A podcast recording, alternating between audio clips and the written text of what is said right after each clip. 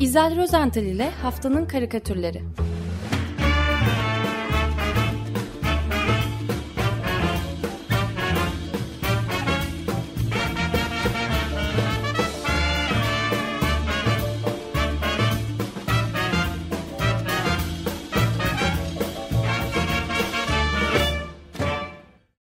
Günaydın İzel, merhabalar. Günaydın, günaydınlar herkese. Günaydın. Günaydın Deş, Feryal. Nasıl haftanın karikatürleri? Valla e, bu hafta öncelikle galiba Seyfettin Gürsel'den özür dilemem gerekecek. Çünkü e, ekonomiye gireceğim. Ekonomi ağırlıklı biraz. E, ve karikatürle ekonomi bir araya gelince de işler e, karışıyor diyeceğim ama hayır sulanıyor. Halbuki ekonomi ciddi bir şey değil mi? Yani malum e, ülkede e, oldukça ciddi, ilginç ve tuhaf şeyler oluyor. Örneğin gıda ve temel ihtiyaç ürünlerine zamlar geliyor ardarda. arda. Yağmur gibi hatta. Hatta e, yani neyse e, tuvalet kağıdı konusuna gireceğim ama enflasyon da hiç o kadar yüksek görünmüyor. Evet. Değil mi? Yani, yani kimine göre gözükmüyor? E, işte yani Anlamak zor. Ee, ama biz karikatürcüyüz tabii. Anlamaya çalışıyoruz, değişiyoruz. Ee, şu tuvalet kağıdı meselesi var ki hakikaten ona akıl vermiyor. Gerçi kağıt ürünlerine gelen yüzde yüzü aşan zamlar yüzünden kitap falan da basılamıyor ama e, daha önemlisi tuvalet kağıdı tabii. Gazete Pencere'den e, Bülent Çelik sıradan bir aile resminin tuvaletteki o hazin daha doğrusu müşkül durumunu yansıtmış e, çizgileriyle. Müşkül sıfatını ben burada e, lafın gelişi olarak kullanmadım. Yani affedersiniz ama e, yüz numarada başımıza gelebilecek en tatsız hadise ne olabilir? İşte son anda yani bütün işler bitmiş ve bakıyorsunuz tuvalet kağıdı yok. Hmm. E, fakat Bülent Çelik'in karikatüründe durum o kadar trajik değil. Tuvalet kağıdı rulosu yerli yerinde duruyor. Hem de bayağı kalınca. E, ama adamcağız nedense böyle Sphinx gibi e, hareketsiz oturmuş kağıt rulosuyla uzun uzun bakışıyor. Yani biraz endişeli bakıyor.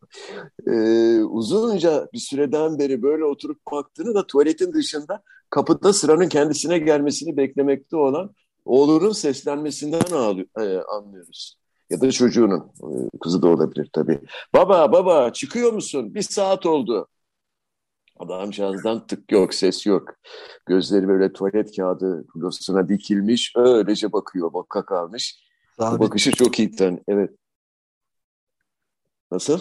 Sabitlemiş bakışı yani. Evet, sabitlemiş böyle kilitlenmiş. E, tanıyoruz bu bakışı. Yani biterse yerine yenisini nasıl koyacağız bakışı bu.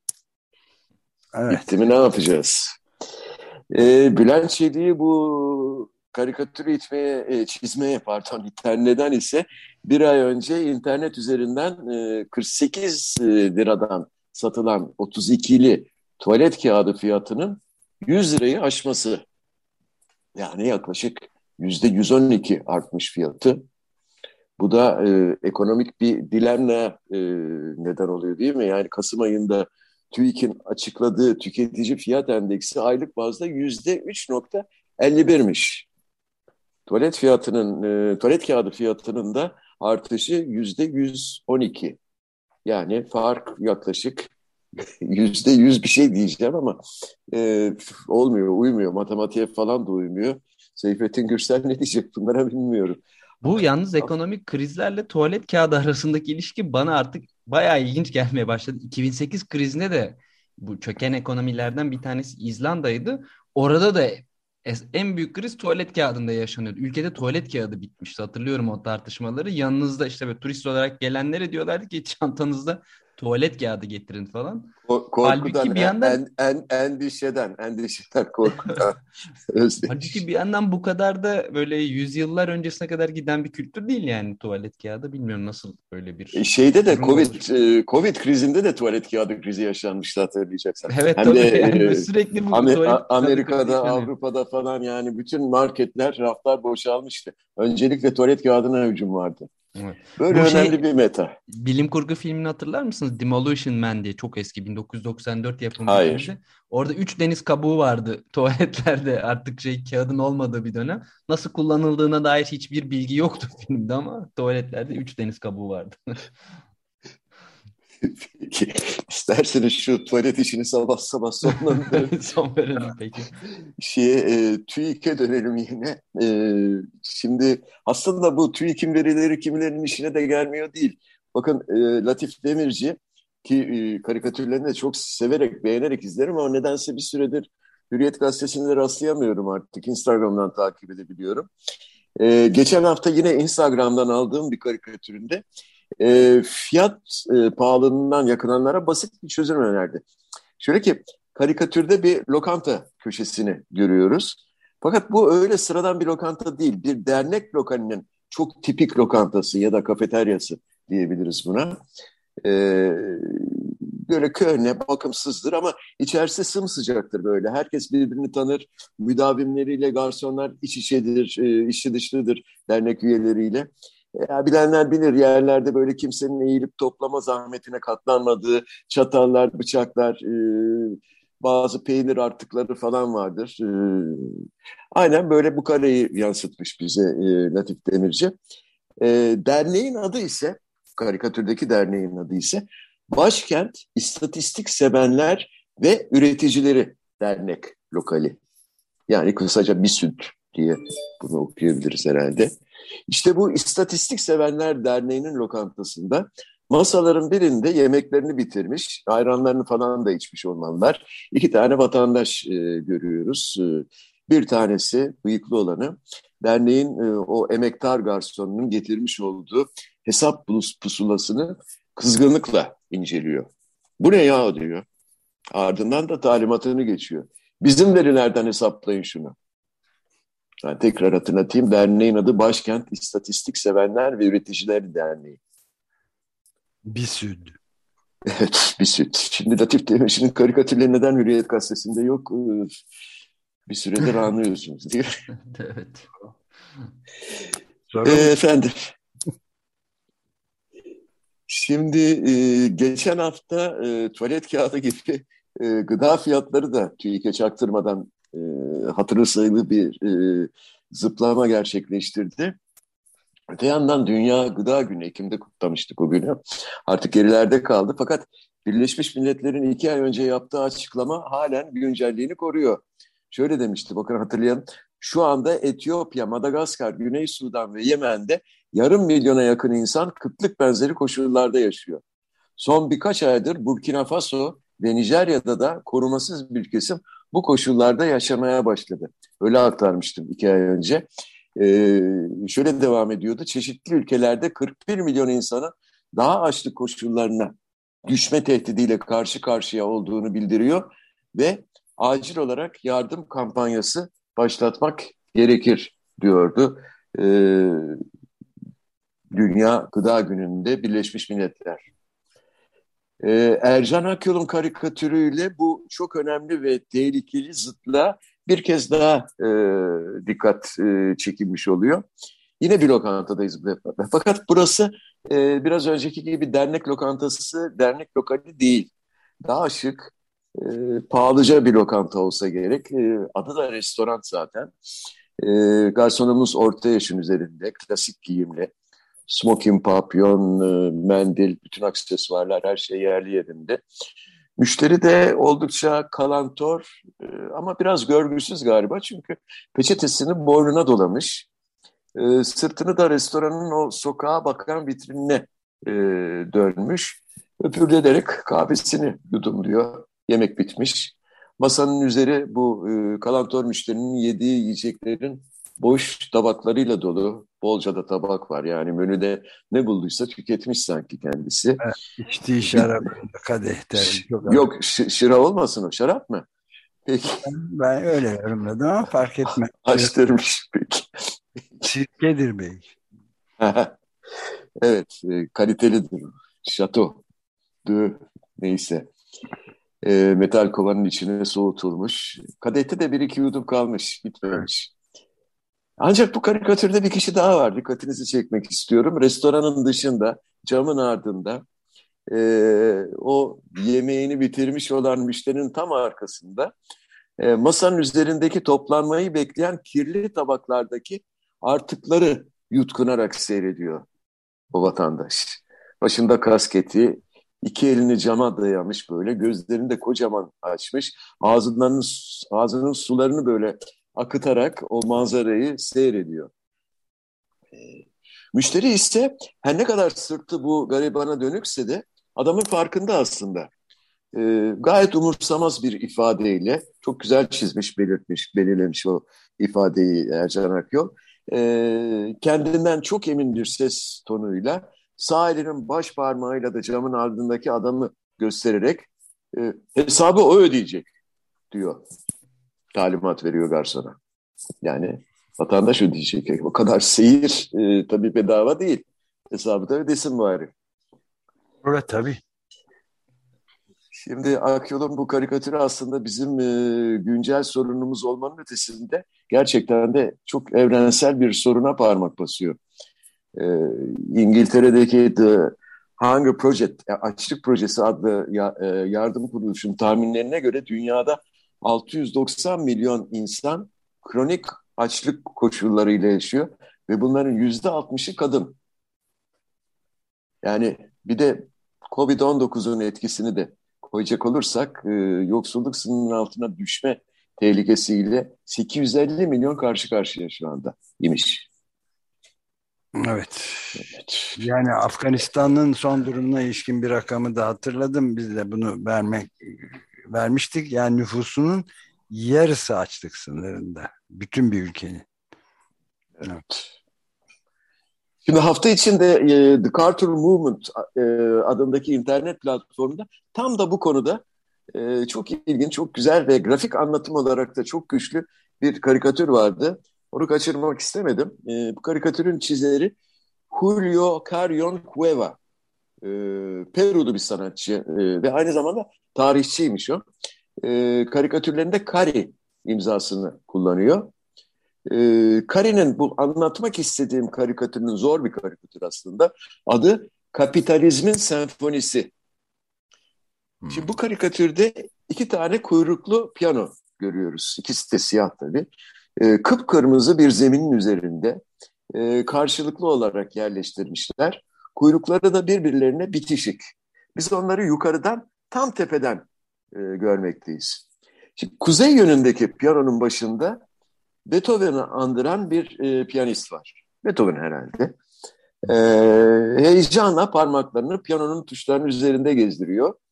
E, piyano da tabii karikatürlerde olduğu gibi dile gelmiş. Bir baloncukta e, çıkardığı notaları e, konuşma balonunun içinde bize sunuyor.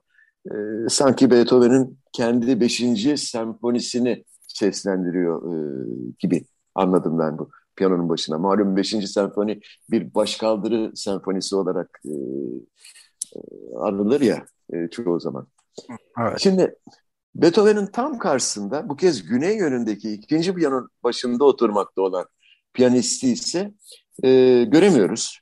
Çünkü kafasında silindir siyah bir şapka var. O onun kimliğini gizliyor. Ama biraz dikkatlice bakınca üstünde oturmakta olduğu taburenin aslında tabure değil de bir para destesi olduğunu görüyoruz. Para destesinden yapılmış. Banknotlar. Evet, evet. Üstelik e, piyanonun siyah beyaz tuşları da aslında bakın bir barkod. Bildiğimiz bir barkod. Uzunca bir barkod. Evet, Şimdi ha, ha, evet. Ha, hal böyle olunca piyanodan çıkan notalar da biraz daha farklı değil mi? Yani nota bilgisine de gerek yok. Bunların bazılarını rahatlıkla okuyabiliyoruz. Çünkü aralarında bolca dolar, avro ve yen e, simgeleri var. Yani tekrar hatırlatayım bu karikatürün adı Kapitalizm Senfonisi. İçeriğinde bolca zenginlik, çevre yıkımı, tüketim ve sömürü var. İyi dinlemeler diyelim. Evet. var mı? Bu parça var mı sizde? Yok. Arşivinizde, Buyur. koleksiyonunuzda. Onu bulmayın ama bir başka parça var. Onu bulmanızı hakikaten özlediğim bir parça üstelik. E, hazır da müzikten gidiyoruz. E, geçen hafta e, sayenizde diyeceğim, Özdeş'in sayesinde ilk e, bir buçuk bölümünü izleme şansını yakaladığım e, Beatles'ın Get Back belgeselinden söz etmek istiyorum. Evet, Get Back. E, yaklaşık 9 saat sürüyormuş. E, evet. Her bölüm 3 saate yakın. E, ben belgeselin ilk 4,5 saatini izleyebilirim ne yazık ki. E, daha fazlasını çok uğraştım ama internet problemi yüzünden bir türlü bağlanamadım. E, legal değil herhalde galiba. Neyse. Fakat e, izlediğim kısımlar gerçekten o, dönem, o dönemleri de yaşamış biri olarak bana son derece ilginç ve doyurucu geldi. E, anlatmak istediğim karikatür de bu belgesel nedeniyle çizildi. E, New Yorker dergisinde yayınlandı geçenlerde. Karikatürün çiz, çizeri Jack diye okunuyor ama öyle değil yani G-A-K. E, evet. Jason Adam Katzenstein. Asıl adı bu. Jack diye geçiyor. E, karikatürde o ünlü grubu tıpkı e, belgeselde olduğu gibi enstrümanların başında işte stüdyoda prova yaparlarken ya da e, kayıt yaparlarken e, fakat daha da ilginç aslında e, belgeselde yeni bir parça arayışındayken e, görüyoruz galiba bu karikatürde. Paul McCartney, George Harrison ve John Lennon gitarlarını almışlar. Çember şeklinde oturuyorlar. E, Ringo ise, Ringo Starr ise biraz daha yukarıdaki bir platform üzerinde kurulmuş olan o baterisinin başında oturmuş. E, tıpkı belgeselde olduğu gibi. Buraya kadar her şey gayet normal. Ama unutmayalım bu bir karikatür. Ve karikatürlerde çoğunlukla e, normal hayatta görebileceğimiz anormal olaylar cereyan edebilir. E, şimdi belgeselde prova ve kayıtlar esnasında ortalıkta gezinen kimi kişilerin e, grup üyelerinin yiyecek ve içecek ihtiyaçlarının karşıladıklarına şahit oluyorduk. E, bu kişiler ellerinde fincanlar, su bardakları falan, kimi zaman sandviçlerle ortalıkta dolanıyor. Servis yapıyorlardı. E, Jack'ın karikatüründe ise bu kişilerin yerinde başka bir görevli var sanki. E, o da bir insan değil. Sekiz kollu bir ahtapot. Üstelik de bu sevimli kocaman ahtapot e, çevre düzeninden de sorumlu. Yani sekiz kolluyla birden aynı anda e, çevrede dizilmiş olan e, saksıların bakımını yapıyor. Çiçekleri suluyor. E, karikatür bu ya. İşte o esnada ahtapotu seyreden Ringo Starr'a da ne geliyor? İlham geliyor tabii. Arkadaşlar diyor sanırım bir şarkı için fikrim var diyor. Yani bundan sonrasını biliyoruz hep birlikte. Octopus Garden yani Ahtapot'un Bahçesi adlı ünlü bestesini yazıyor. Ama o parça şeyde değil, Let It, Let It Be albümünde değil yani belgeselin konu ettiği albümde değil, e, Abbey Road'da yer aldı. Hı hı. Evet. Bir hemen bir komple teorisinde bulunayım mı? Acaba bu ahtapot Yoko Ono'yu temsil ediyor olabilir mi? Bir? Çok da spekülasyon vardır çünkü, çünkü belgeselde o da var. Aklımdan geçmedi değil. Evet. Yoko Ono. Komplo teorilerinin bir ara o meşhur çığlıklarını falan dağıtıyor böyle. Evet. Psikodelik Grup, bir grubu o ayırdı, o sebep oldu falan da denir ya. Ama o e, değilmiş, değilmiş, değilmiş. Değilmiş evet, belgeselde o da var değil mi? Bu arada Ringo'nun da e, ahtapotların o yuvalarını deniz kabuklarıyla süslediklerini o e, Peter Sellers'in e, ki o da belgeselde bir ara boyu gösteriyor yatıyla yaptığı bir deniz yolculuğu sırasında öğrenmiş. O güne kadar hiç ahtapot yememiş e, Ringo Starr ve çok şaşırmış, çok da sevmiş bu e, ahtapotun tutumunu. Hani e, bahçesini deniz kabuklarıyla, rengarenk deniz kabuklarıyla süslemesini falan. Bu şarkıda öyle doğmuş derler. Sonra da yemişler mi ahtapot? Herhalde. denize atmıyorlar. Çok korkunç bir şey o. Neyse. Ee, ben buradan bir de e, merhum e, Cüneyt Ceberan'a da bir merhaba demek istiyorum. E, Ahtapot'un Bahçesi programı sunardı eskiden değil mi? Yanılmıyorum değil mi? Evet. Evet. Peki e, yine geçen hafta Guardian'da e, yayınlanan Adrian Charles e, isimli bir yazıdan bir iki cümle aktarmak istiyorum e, size bu konuyla ilgili. Yani daha doğrusu bu belgeselle ilgili. E, şöyle e, demiş e, Adrian Charles.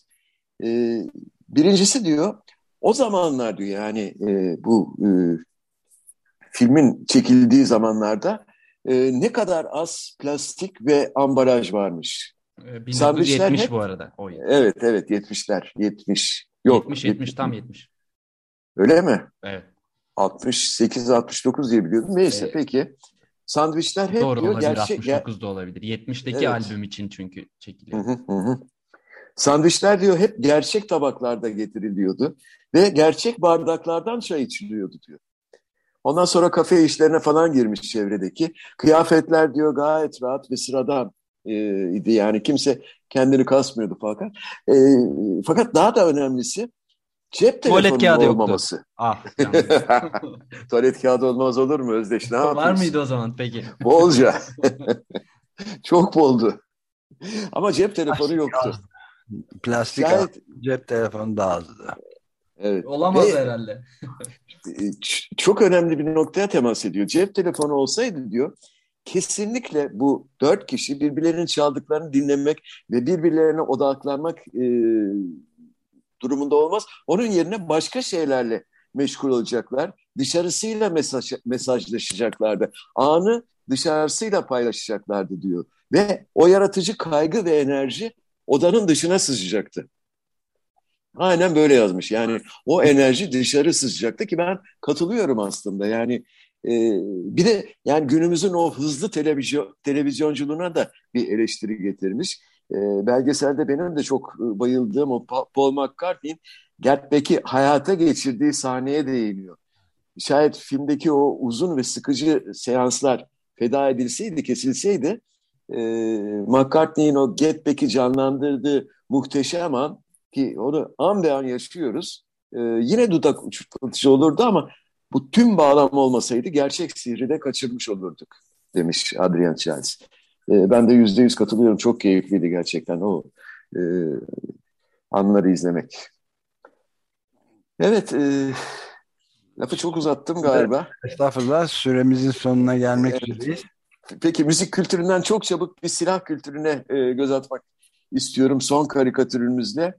E, internet platformu Counterpoint'ta Nikaralı, Nikaragua, ah, Nikaragualı karikatürcü Pedro Xavier Molina'nın e, son karikatürü.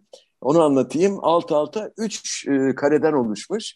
Üstteki karede oldukça öfkeli bir Amerikan vatandaşı görüyoruz. Bir eliyle çocuğunu kolundan kavramış, hışımla böyle arkasına almış.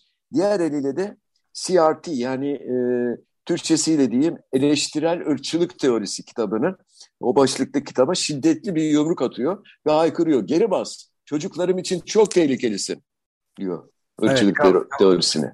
Kafasında da e, Donald Trump'ın hiç başından eksik etmediği kırmızı kepi var. Tipik, evet, evet. İkinci karede yine aynı manzara var. Ee, yine aynı tip. Manzara tamamen aynı. Fakat bu defa karşıda kitap yok.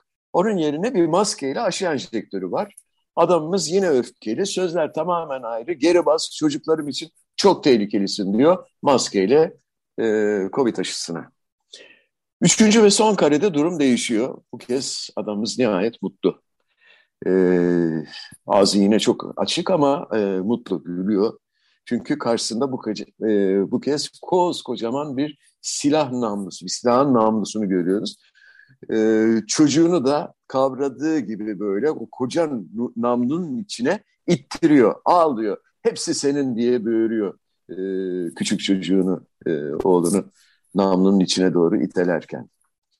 E, Pedro Molina şöyle demiş, fanatiklerin argümanları eğer onlara böyle diyorsak tabii e, her zaman zayıftır. O kadar zayıflar ki en basit analize bile karşı çıkarlarken gerçekte ne oldukları kolaylıkla anlaşılıyor. Çocukları korumak istediklerini söyleyen ancak kendi çocuklarının cahil kalmasına ve veya tıbbi risk altına altında kalmasına izin vermeye istekli olan tarihi revizyonistler ve bilim inkarcıları için durum aynen böyledir. Silah meclisinde de durum aynı. Evet, silah kültürünün içine sokuyor çocuğun. Evet. Seninki. Evet. Bu daha geçen hafta üzerinde durduğumuz 15 yaşında bir çocuk anasının babasının da büyük desteğiyle 4 kişiyi, 5 kişiyi öldürdü kendisi. İşte bu, bu karikatürde onu yansıtıyor zaten evet. evet. Anne baba desteğiyle Maalesef. Arundhati Roy'un güzel bir sözünü hatırladım ben de. Yani e, eskiden e, savaşlar için silah üretilirdi. Şimdi silahlar için savaş üretiliyor diye bir sözü vardı onun da. evet. Böyle bir şey. Peki ya, süreyi de birazcık açtık ama şey hemen seçelim değil mi? Ben Kari'den yanayım. Peru. Senfoni. Siz ne Evet. diyorsunuz? Ben Beatles'ı da çok beğendim. Hoş, nostaljik. Ben biraz üşüyorum bu sabah. Bir şey söyleyemeyeceğim. Ahtapot çok güzel. Piyano çok güzel. Evet. E, Kari. Evet, Kari. Kari. Kari. Yani yaşasın demokrasi. Yaşasın demokrasi piyanolar. Tamam, okey. Tamam. Çok teşekkürler güzel. Görüşmek İyi, iyi haftalar. Görüşmek üzere efendim. Hoşçakalın.